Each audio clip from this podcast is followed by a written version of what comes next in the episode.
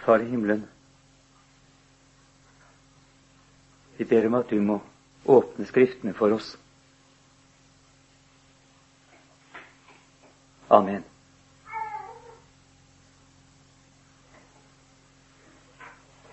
Vi slår først opp i profeten Jeremias. I det åttende kapittel. Og vi konsentrerer oss om det åttende verset. Men la oss lese det i sammenheng fra vers fem. Jeremias 8, 5 til og med 9. Hvorfor er folket her i Jerusalem falt fra med et evig frafall? De holder fast ved sin svik og vil ikke vende tilbake. Jeg ga vakt og hørte. Det som ikke er rett, taler de. Det er ingen som angrer sin ondskap og sier 'Hva har jeg gjort?' Alle sammen har vendt seg bort i sitt løp, lik en hest som styrter av sted i krigen. Endog storken under himmelen kjenner sine tider, og turtelduen og svalen og tranen passer tiden når de skal komme. Men mitt folk kjenner ikke Herrens lov. Hvorledes kan dere si vi er vise, og Herrens lov har vi hos oss? Sannelig, se til løgn har de skriftlærdes løgnpenn gjort den. De vise blir til skamme. De blir forferdet, og ulykken rammer dem. Se, Herrens ord har de forkastet. Hvor skulle de da ha visdom fra? Og så tilbake til vers åtte. Hvorledes kan de si, vi er vise, og Herrens lov har vi hos oss? Sannelig, se, til løgn har de skriftlærdes løgnpenn gjort den.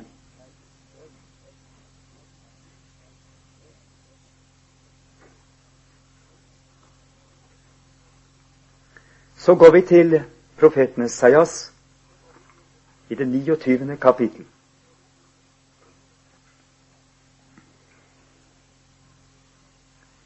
Og vi leser fra vers 9.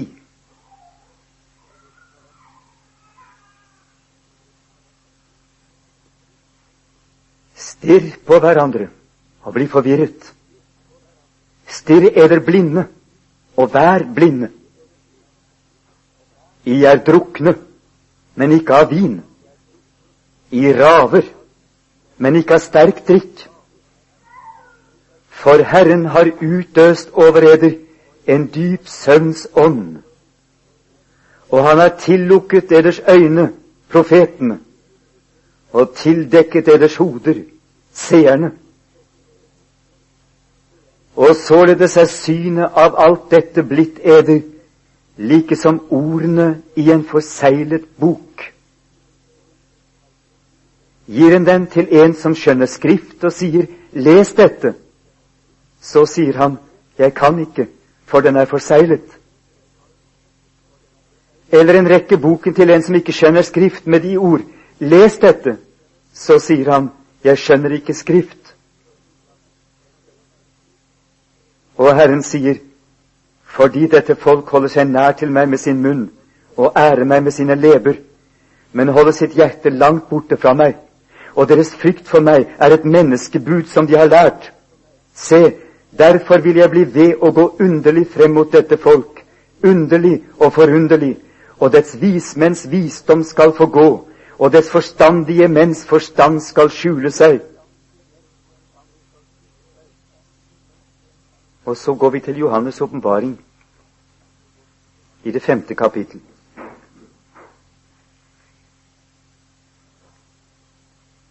Fra vers 1. Og jeg så i hans høyre hånd som satt på tronen, en bokrull skrevet innvendig og utvendig og forseglet med syv seil. Og jeg så en veldig engel som ropte med høy røst. Hvem er verdig til å åpne boken og bryte seilene på den? Og det var ingen i himmelen eller på jorden eller under jorden som kunne åpne boken eller se i den. Da gråt jeg sårt fordi ingen ble funnet verdig til å åpne boken eller se i den. Og en av de eldste sier til meg, gråt ikke. Se, løven av Judas stamme, Davids rotskudd, har seiret og kan åpne boken og de syv seil på den. Og jeg så midt imellom tronen og de fire livsvesener og de eldste et lam stå der, like som slaktet.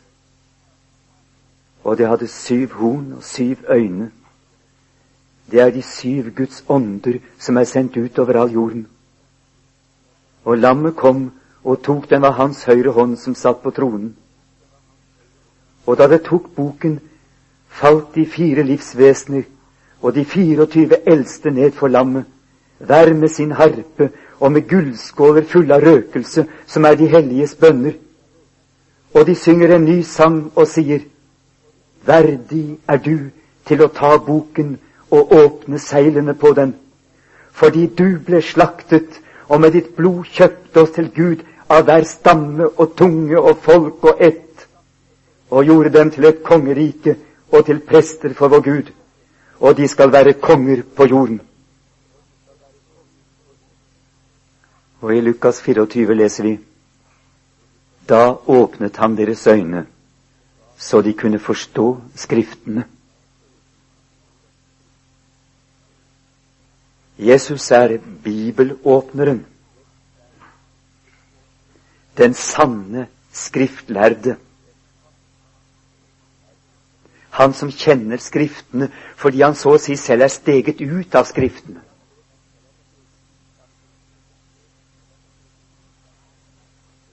Han som er selve Ordet. Vi kunne si en fortettet bibel. Ordet oppfylt iblant oss. Men et ord som bare kan kjennes gjennom Ordet. Således er det skrevet at menneskesønnen skal lide og dø og oppstå fra de døde på den tredje dag. Han må leses ut av Skriftene for at vi skulle kunne tro på ham og kjenne ham rett. Og han er det som ved Den hellige ånd åpner Skriftene. Gjennom sin død og oppstandelse. Verdig er du til å ta boken og bryte seilene på den. Og det er på denne bakgrunn apostlene taler om Skriften og Skriftenes vitnesbyrd. Hvis dere leser apostlenes gjerninger, så vil dere se at overalt så er det tale om å bevise ut fra Skriftene at Jesus er Messias. Det er slik det forkynnes.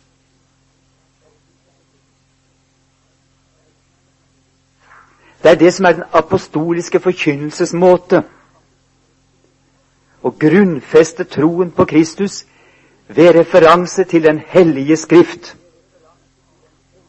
Jesus har et anbefalingsbrev med seg, og det er hele det Gamle testamentet. Så står det skrevet, sier Herren til disiplene, og dere er vitner om dette. Det er ikke slik at disiplene er oppstandelsesvitner uten videre. De løper ikke ut i verden og sier 'Hei, vi kjenner en mann som er død i tre dager, og nå er han blitt levende igjen. Er det ikke fantastisk?' Som om det skulle bety noe som helst Det betyr ingenting. Det skjer så mye rart her i denne verden. Det sier oss ingenting hvis vi ikke kjenner Ordet. Det er fordi at Skriften er oppfylt gjennom denne død og denne oppstandelse, at det har noen bærekraft i det hele tatt og betyr noe som helst. Det må vi ikke glemme.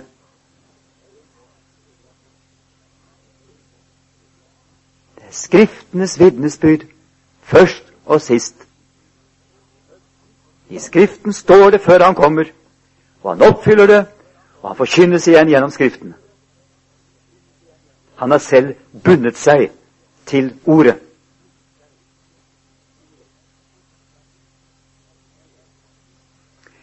Det er det Luther mener når han snakker om was Christum treibet. Det er Skriften lest slik, i trygg forvissning om at den i alle sine deler vitner om Han som også selv er loven. Som Krysostomos sier, autonomos er Han. Han er loven selv. Slik han trer frem som bergprekenens predikant slik han trer frem som den som selv i sitt, gjennom sitt liv oppfyller de ti bud til punkt og prikke, og kjærlighetens dobbelte bud, og derfor gjør vårt problem til sitt eget. Han elsker oss som seg selv, og det er hemmeligheten med hans korsdød. Men han er også loven. Og ved å oppfylle loven blir han evangeliet for oss. Og ved dette evangelium planter han igjen sin lov inn i våre hjerter. tar dem fra stentavlene, de som står der som dødsrikes porter, og planter dem inn i våre hjerter og åpner Guds hjerte for oss. Og slik leser vi Skriften i lys av Kristus, og vi leser Kristus i lys av Skriften. Slik kjenner vi ham. Og det er på denne bakgrunn at apostlene kan også uttale sin trygge forvisning om Skriften. Som f.eks. på dette klassiske sted i det annet Timotus brev, i tredje kapittel, fra vers tolv. Jeg tror det er rett å begynne der. Og alle som vil leve gudfryktig i Kristus Jesus, skal bli forfulgt. Men onde mennesker og slike som kverver synet på folk, går frem til de verre. De fører vil og farer vil. Det er dem vi har med å gjøre. De skriftlærde med sin løgnpenn. De som har fått en dyp søvns ånd over sine øyne, så de ikke lenger kan lese innat. Men bli du i det som du har lært, og som du har blitt overbevist om, da du vet hvem du har lært det av. Og da du fra barndommen av kjenner de hellige skrifter, som kan gjøre deg vis til frelse ved troen på Kristus Jesus. Den hele Skrift er innblåst av Gud og nyttig til lærdom, til overbevisning, til rettledning, til opptuktelse i rettferdighet, for at det Guds menneske kan være fullkomment dugelig til all god gjerning.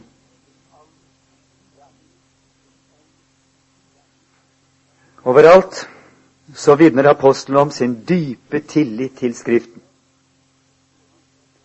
Og de forkynner aldri Kristus uten å forankre sin forkynnelse i Skriftenes vitnesbyrd. Så på den måten kan vi se at hele Det nye testamentet er en eneste sammenhengende tillitserklæring til Den hellige Skrift i den gamle pakt.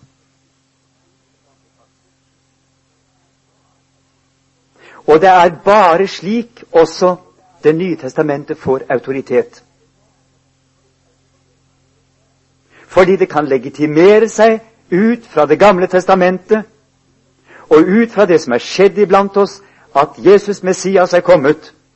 så kan det legitimere seg som den rette utleggelse av Det gamle testamentet.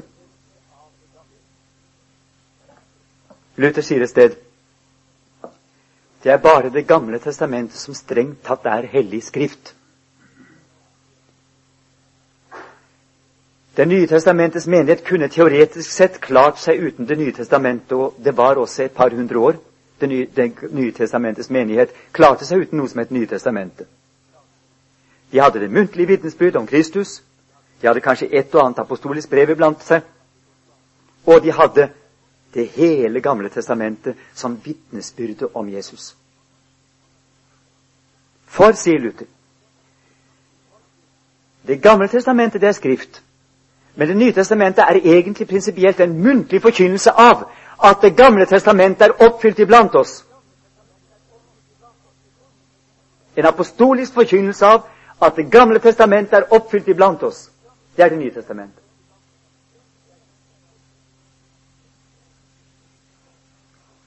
Og i en sermon for Neuen Testament, i en tale om Det nye testamentet, så skriver Luther overhodet ikke om Det nye testamentet, men han skriver om Den hellige nattverd. For det er summen av evangeliet. Dette er mitt legeme som er gitt for dere. Gives for dere. Dette er mitt blod som utgytes for dere til syndenes forlatelse. Og dette er oppfylt iblant oss. Men fordi dette apostoliske ord, som er bundet og grunnet på Det gamle testamentet, er et sant og er det sanne vitnesbyrd om Jesus Kristus, så har vi bundet det inn sammen med det gamle som en bibelnøkkel. Det nye testamentet er vår bibelnøkkel. For ingen av oss har lenger tilgang til det apostoliske vitnesbyrd direkte. Vi har ingen lydbånd. Vi har ingen apostler iblant oss. Skal vi belæres av dem, så må de belære oss gjennom sine skrifter, gjennom sine tilfeldige i gåseøyne, leilighetsskrifter til menigheten i alle slags situasjoner. Der har vi det. Og har vi i tillegg den apostoliske ånd iblant oss, som tar Guds ord på alvor og ber om Guds veiledning, har vi Den hellige ånd, så har vi også den ånd som kan lære oss å se klart inn i den gamle pakts skrifter og trekke konklusjoner og se sammenhenger som kanskje til og med ikke helt tydelige, er tydelige for oss i de apostoliske brev. For vi ser og leser de apostoliske brev i denne store sammenheng. Vi vet hvor mye Det gamle testamentet nettopp betød for Luther, også når det gjaldt å finne frem til det forløsende evangelium, rettferdiggjørelsen av tro. Dette er det store, at hele Skriften, hele Det nye testamentet, vitner om at Skriften er Guds ord. Både det skrevne ord i Det gamle testamentet og det muntlige apostoliske ord, som nå er nedfelt som skriftlige ord iblant oss, er Guds ord. Jesus Messias ga sine apostler Den hellige ånd, åpnet deres øyne så de kunne forstå Skriftene.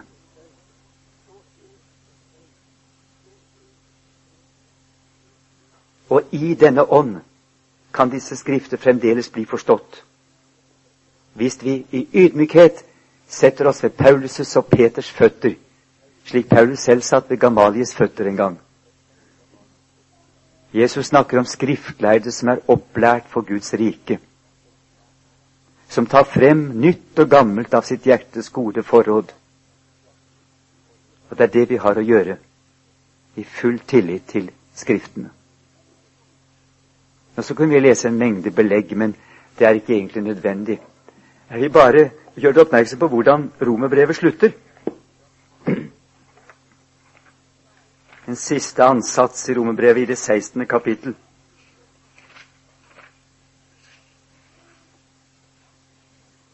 Han slutter slik, fra vers 24. Vår Herre Jesu Kristi nåde være med eder alle. Amen.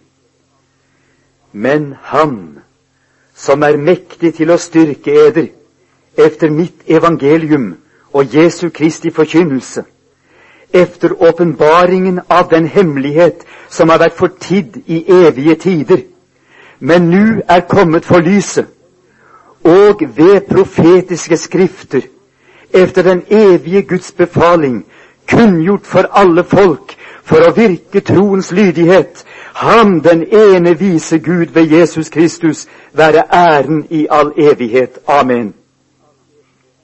Det er snakk om en hemmelighet som har vært fortidd fra evige tider. Selv om den har stått i boken, så er det vært som en hemmelighet skjult for våre øyne. Men denne hemmelighet er nå kommet for lyset. Og ved profetiske skrifter er den kunngjort for alle folk for å virke troens lydighet. Ved hvilke profetiske skrifter? Romerbrevet? Nei. Ved Det gamle testamentets skrifter. De profetiske skrifter. Gjennom disse profetiske skrifter er de kunngjort for alle folk, denne hemmelighet, for å virke troens lydighet. En sånn tiltro har apostelen til ordet. Dette foraktede Gamle testamentet som vi lenge har hatt vanskeligheter for å forholde oss til. Men heldigvis har vi det nye, dere. Det er jo så mye klarere og mer moderne og umiddelbart forståelig. Særlig hvis vi ikke leser det i sammenheng med det gamle. Og Det er slik vi har kommet bort fra troens grunnvoller, faktisk talt. Disse våre liberale teologer som leser Nytestamentet med sin samtidsbriller og syntes at dette var rene og klare og greie ting, særlig de fire evangelier. I hvert fall de tre første. Og så, så fikk de denne blindhetens ånd over seg. Og Det gamle testamentet ble en forseglet bok for dem som ikke de visste hva de skulle gjøre med det i hele tatt. De måtte bare be om unnskyldning for den, for det var en sånn barbarisk snorre, dette her. Slik har vranglæren alltid oppført seg fra den første kristne tid. Fra første kristen tid av sto kampen om Det gamle testamentet. Om det var Guds ord eller ikke. Om det var den samme Gud eller ikke. Ja, selve gudsbildet hadde gått utover. Selvfølgelig.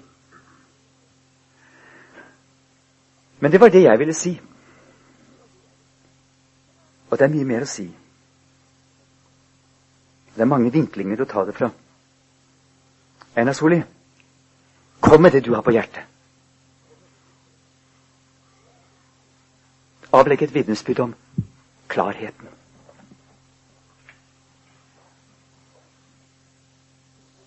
Ja, en viktig del av Skriftens selvvitnesbyrd, det er at den er klar og forståelig, tilgjengelig. Og jeg vil nevne eh, noen steder i tillegg til det som Børre har nevnt. 2. Tim 3 er jo veldig tydelig. Eh, den skrift det er tale om der, må jo være klar hvis den skal kunne tjene til det som der står. Men jeg tenker også på 2. Peters brev, det første kapittel. Der står det og dess fastere har vi det profetiske ord, som dere gjør vel i å akte på, som på et lys som skinner på et mørkt sted, inntil dagen lyser frem og morgenstjernen går opp i deres hjerter. Skriftens klarhet står det om. Jeg tenker på Salme 119, vers 105, som dere alle kjenner godt. Ditt ord er en lykte for min fot og et lys for min sti. Hvordan skal det være mulig hvis ordet ikke er klart? Hvordan kan jeg da bruke det som lykt å gå etter og finne vei ved? Og jeg tenker på Salme 12, vers 7. Herrens ord er rene ord, liksom sølv som er renset i en smeltedigel i jorden, syv ganger renset. Slik er Herrens ord. Dette er noen av de mange selvvitnesbyrd, og jeg nøyer meg med å nevne det her nå.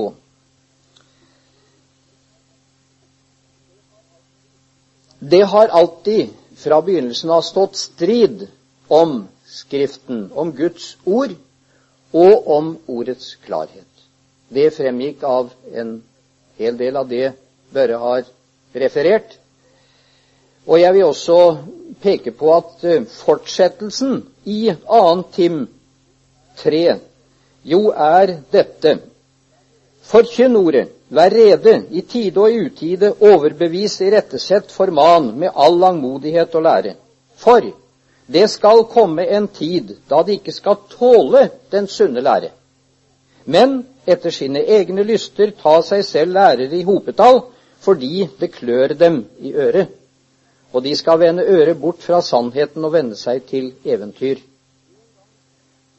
En gang ordet, sannheten, er der, så er forsøkene der på å forkvakle og bryte ned. Og det samme ser vi i annet Peters brev. eh, I kapitlet efter det jeg siterte fra, jeg siterte fra det første, i det andre fortsetter det. Men det oppsto også falske profeter blant folket, liksom det blant dere skal komme falske lærere, som skal lure inn vrange lærdommer som leder til fortapelse. Samme konteksten. Der ordet og sannheten er virksom, der kommer vranglæren og angrepene på ordets autoritet og ordets klarhet. For reformatorene var det ganske tydelig at det ord de bygde på, det var et klart ord. Claritas scripture, det var en av reformatorenes eh, hovedsatser. Og det sto i organisk sammenheng med Skriften alene. Sola scriptura. Hvordan kunne Skriften alene være øverste autoritet og ha det avgjørende ord dersom det ikke var et klart ord?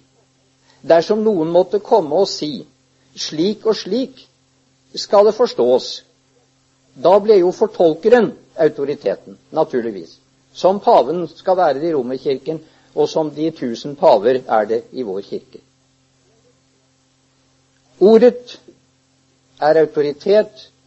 Det kan stå alene øverst og avgjøre saken. Skriften er klar. Ikke i alle detaljer og ut i periferiene, men i alle hovedsaker som har med kristen tro og kristent liv å gjøre. Der er Skriften klar. Det betyr ikke at det er lettvint å få tak i det, at en uten videre innser det. Nei, det skal mye arbeid til. En skal fordype seg i ordet, en skal be om Åndens veiledning for å få tak i det. Men Skriften er sin egen tolk. Der hvor den får lov å slippe til i hele sin fylde, fortolker den seg selv og er i seg selv klarheten. Så mye om reformatorene. Men så vil jeg si noe om moderne menneskers Jeg tror jeg ville våge å si det et av det moderne menneskers hoveddogmer. Skriften er uklar. Og nå er det litt om å gjøre for meg å peke på en del fenomener i Kirkens liv, i det vi opplever og ser omkring oss, som nettopp angår brytningen mellom Skriftens klarhet og Skriftens påståtte uklarhet. Det, det, er min vinkling av dette. Det kunne være mange måter å vinkle det på, men dette har vært om å gjøre for meg at vi skal forstå hva som ligger under. For veldig ofte i samtaler og diskusjoner så er det den uuttalte forutsetning at Skriften er uklar. En masse debatt ville rett og slett kunne legges til side og forstumme hvis det ble tydelig at den ene taler ut ifra det premiss at Skriften er klar, og den andre ut fra det at den er uklar. En hel del forbi hverandre snakk kommer av akkurat det. Og, og, det tror jeg vi for det første skal bli klar over og se, og for det andre eh, undersøke om det kan gjøres noe med det, og oppklare det, sånn at vi kunne komme noe videre. Helt til slutt så vil jeg komme litt inn på det i den aktuelle situasjonen. Bibelen er uklar. I Bibelen kan en finne begrunnelse for hva som helst. Ha, innenfor Kirken og utenfor Kirken er det en masse mennesker som tenker sånn. Jeg syns det er helt opplagt. Dette er et fastlåst dogme. Begrunnelsen for å tenke sånn er veldig enkel. Selv fagfolk, som alle hevder at de selvfølgelig bygger på Skriften, de kommer ofte til stikk motsatte tolkninger og meninger. Altså må selvfølgelig Skriften være uklar. Det høres jo veldig enkelt ut. Opplagt. Men sånn er det ikke. For det kan jo tenkes at uklarheten ikke ligger i Bibelen, men hos oss som behandler Bibelen. Mange mennesker innbiller seg at de kan gjøre seg riktige tanker om Gud og hans saker på egen hånd, men det er feil. Nettopp fordi vi tenker galt om Gud og hans saker, har Han gitt oss sitt åpenbaringsord, har Han avslørt hva som er sannhet, til forskjell fra løgn og mennesketanker. Og det går ofte helt på tvers av det vi syns er fornuftig. Syndefallet førte til at vi mistet sansen for det som hører Gud til. Vi har eh, en dramatisk samtale mellom Jesus og Peter i Matteus 16. Jesus har begynt å orientere disiplene sine om at han går til Jerusalem for å lide og dø. Peter har den frimodighet og freidighet at han tar mesteren til side og formaner han dette må ikke skje. Det ville jo være å ødelegge alt hvis mesteren, som skulle opprette riket og virkelig vise hvem som er Israels konge, hvis han skulle gå til Jerusalem og lide og dø. Ja, klart. Det er fornuftig. Og hva sier Jesus? Vik bak meg, Satan, for du har ikke sans for det som hører Gud til, bare for det som hører mennesker til. Den koblingen der av det sataniske og det fornuftige, det er vel verd å legge merke til. Den onde opererer hos oss gjennom det fornuftige. Har Gud virkelig sagt, slik lød i Edens hage, det kan da ikke være rimelig? Nei, det er antagelig urimelig. Du har ikke sans for det som hører Gud til, bare for det som hører mennesker til. Da blir det skjebnesvangert hvis vi overprøver Guds ord, slik det stadig skjer med våre tanker. Det skjer stadig i den aktuelle debatt, som vi vet noe om alle sammen.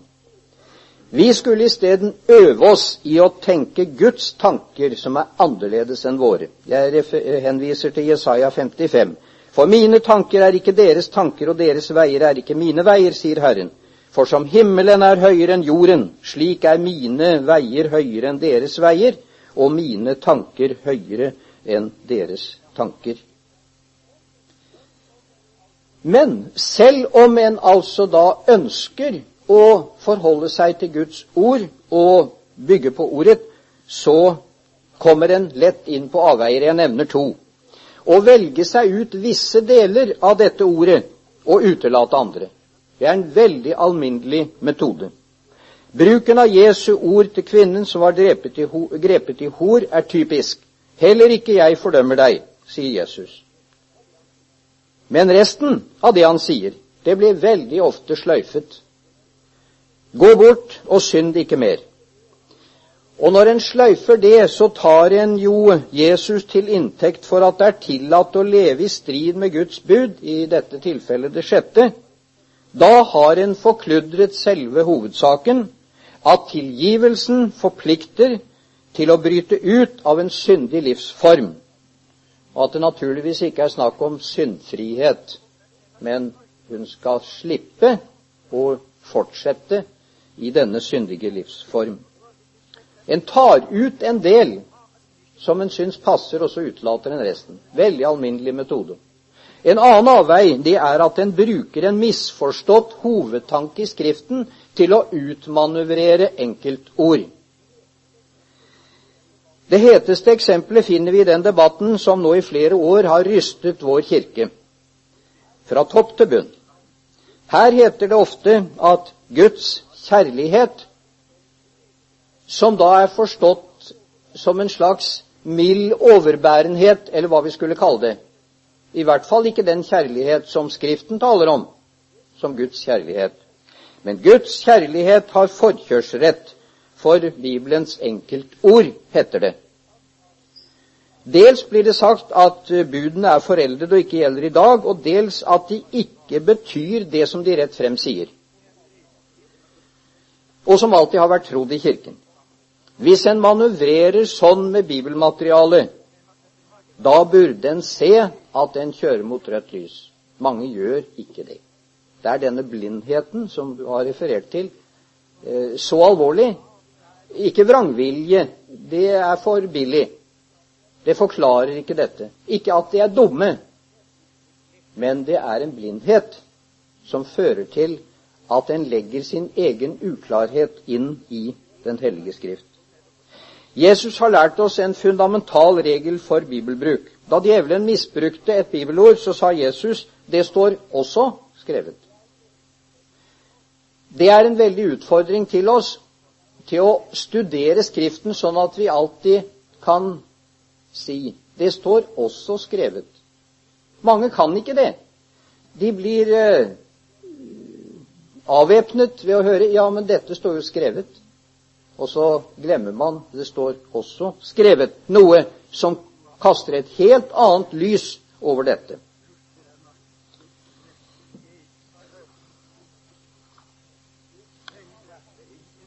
Det dilemmaet som mange befinner seg i, kunne jeg eh, kanskje antyde sånn. Lærde teologer tolker Bibelen forskjellig, ikke bare i småting, men i livsviktige saker. Hva skal da det arme legfolk gjøre? Det er vanskelig nok for oss småteologer, eh, og enda verre for den som ikke har lest noe teologi. Eh, hva, hva skal en gjøre? Det er alminnelig at en prøver en av to utveier. Enten en slår fast at Bibelen må jo faktisk være uklar. Det går ikke an å si sikkert hva den egentlig lærer. Mange havner på det. Det andre er vi satser på de fagfolkene som vi av en eller annen grunn har tillit til, som vi liker. Vi holder oss til dem. Sverger til de magisteres ord.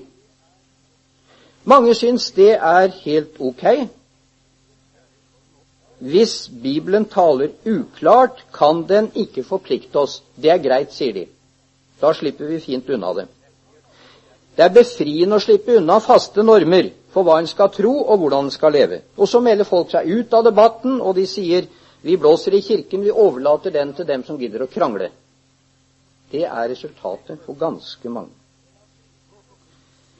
Relativismen, sier andre, den kan vi ikke avfinne oss med. Det kan ikke være likegyldig om en svarer det ene eller det andre når tolkninger frontkolliderer, så kan ikke begge være riktige. Relativismen er ikke til å leve med, og er slett ikke til å dø på. Men den andre utveien, da, å satse på de sakkyndige, de som en stoler på, er ikke det flott? Jo, det er godt å støtte seg til fagfolk som en har tillit til. Det trenger vi. Men det er ikke tilstrekkelig når det gjelder vår salighetssak.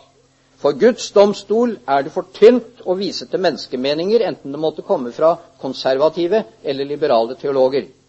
Det er for tynt. Overfor Gud holder bare det han selv har åpenbart. Og Derfor er det en tredje utvei, og det er meg maktpåliggende å få peke på. Den leser vi om i apostelgjerningene 1711.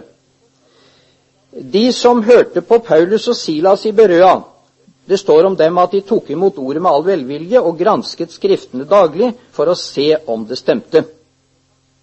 De var velvillige og samtidig kritiske til forkynnelsen. De slukte ikke ufordøyd det taleren sa, selv om det var en apostel. De testet ham på den øverste autoritet, Guds ord, i dette tilfellet de gammeltestamentlige skriftrullene, vi kan synes at dette er en overraskende selvbevissthet hos alminnelige kristne, men dette er en selvbevissthet som vi skulle lære av, og som vi skulle ta med oss. Ja, du sa du hadde ansvar for å sørge for at det ble slutt klokka 11. Det er mitt problem nå. Ehm, så ehm, jeg tror at jeg skal nøye meg med å antyde et par ting til, og så la det andre ligge. Jeg vil gjerne ha sagt noe om hva dette betyr, ikke bare for den enkelte, at han må kunne lese selv og si 'dette ser jeg, dette står, og det forholder jeg meg til'. Jeg har den selvbevissthet at jeg kan eh, lese innenat, og at jeg kan vurdere, som en skrev nylig, hva som er bortforklaringer, og hva som er tolkninger. Den selvbevissthet bør vi alle ha. Men det andre jeg tenker på, det er situasjonen vår som kristen menighet og kirke. Der er det en voldsom uklarhet, en veldig forvirring, når det gjelder nettopp det vi snakker om her. Eh, og endelig så har det med Kirkens forhold til stat og folk å gjøre. Og det tror jeg vil si noen ord om til slutt. Den politiske ledelsen i statskirken skal forholde seg til en kirke som taler med to tunger. Kirken er splittet fra øverst til nederst, og dermed blir det egentlig meningsløst å hevde at Kirken selv må bestemme. Hva er Kirken selv? Staten kan fritt velge hvilken av Kirkens to tunger den vil lytte til. Og det gjør den da også. Den velger helt fritt etter det den syns er mest behagelig og mest fornuftig. Kirken er ikke moden for selvstyre, heter det. Derfor må staten bestemme. Det er sant at en kirke som er i strid med seg selv, er umoden. Men det eneste som kunne gjøre den kirken moden, det er at de slapp til som staten vil utmanøvrere. Jeg tenker på dette som uh, Frøyland har, som leder i kirkekomiteen har sagt. Uh, de reaksjonære kreftene må vi motarbeide. Og det er nettopp dem som vil gjøre gjeldende Skriftens autoritet og klarhet, i motsetning til folkemeninger. Debatten om hvem som egentlig har den avgjørende myndighet, Kirkemøtet eller biskopene eller bispedømmerådet eller hvem det måtte være, den blir en håpløs floke fordi den egentlige autoritet, den klare Bibel, er avsatt. Dermed går debatten bare opp på overflaten. Gi oss en kirke alle kan tro på, har vi hørt.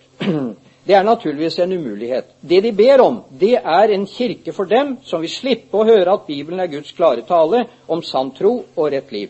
En folkekirke i den forstand at folket selv bestemmer hva de vil tro og hvordan de vil leve. Det er merkelig at de kaller det en kirke. Herrens hus, det er kirken. Det de ber om, det er folkets hus. Slik er situasjonen. Nå ville kanskje noen si at vi må ikke være altfor sikre, vi må ikke være så påståelige. Da syns jeg Luther er herlig. På den ene siden sier han, 'Martin, hvem er du som reiser deg mot disse veldige tradisjoner og alle disse mektige eh, i Kirken? Hvem er du, Martin Luther?' Så helt over på motsatt side, og så sier han, 'Hva bryr vel jeg meg om hvor mange de er, de som tar feil?' Det syns jeg er prektig. Vi trenger å innta den plassen at vi spør 'Hvem er du?' At du tror at det du har kommet frem til, er rett. Hva bryr vel jeg meg om hvor mange de er som tar feil? Og legg merke til det kjerneordet av Martin Luther 'Min samvittighet er fanget i Guds ord'. Han sier ikke 'Jeg setter Martins samvittighet over alles andres'. Nei. Han sier 'Min samvittighet er fanget hva forutsetter det? Et klart, umisforståelig ord han ikke kommer forbi. Tvert imot, det tar ham til fange og holder han fast. Det er flott. Det er den rette bevissthet om Skriftens autoritet og Skriftens klarhet. Helt til slutt så vil jeg si et par ord om det som er vår situasjon i øyeblikket, med tanke på det krisemøtet, som de kaller det, som bispene skal ha i august er det mulig å håpe på at de kunne gjøre to avgjørende ting. Jeg, jeg vet ikke, jeg spør. At de gjør bot for det de har sagt, så mange av dem som var med på det i uh, eh, 97, og si at dette er ikke kirkesplittende. Ta det tilbake, gjøre bot, og si det er klart at det er kirkesplittende, for det er i strid med Guds ord. Det er vranglære. Det er synd at vi fikk det tydelig. Jeg syns det lyspunktet vi fikk da Bondevik satte foten ned i lærernemnda, det, det, ga liksom et, et visst håp. Det, går, det, er altså et lyspunkt. Går det an å komme videre?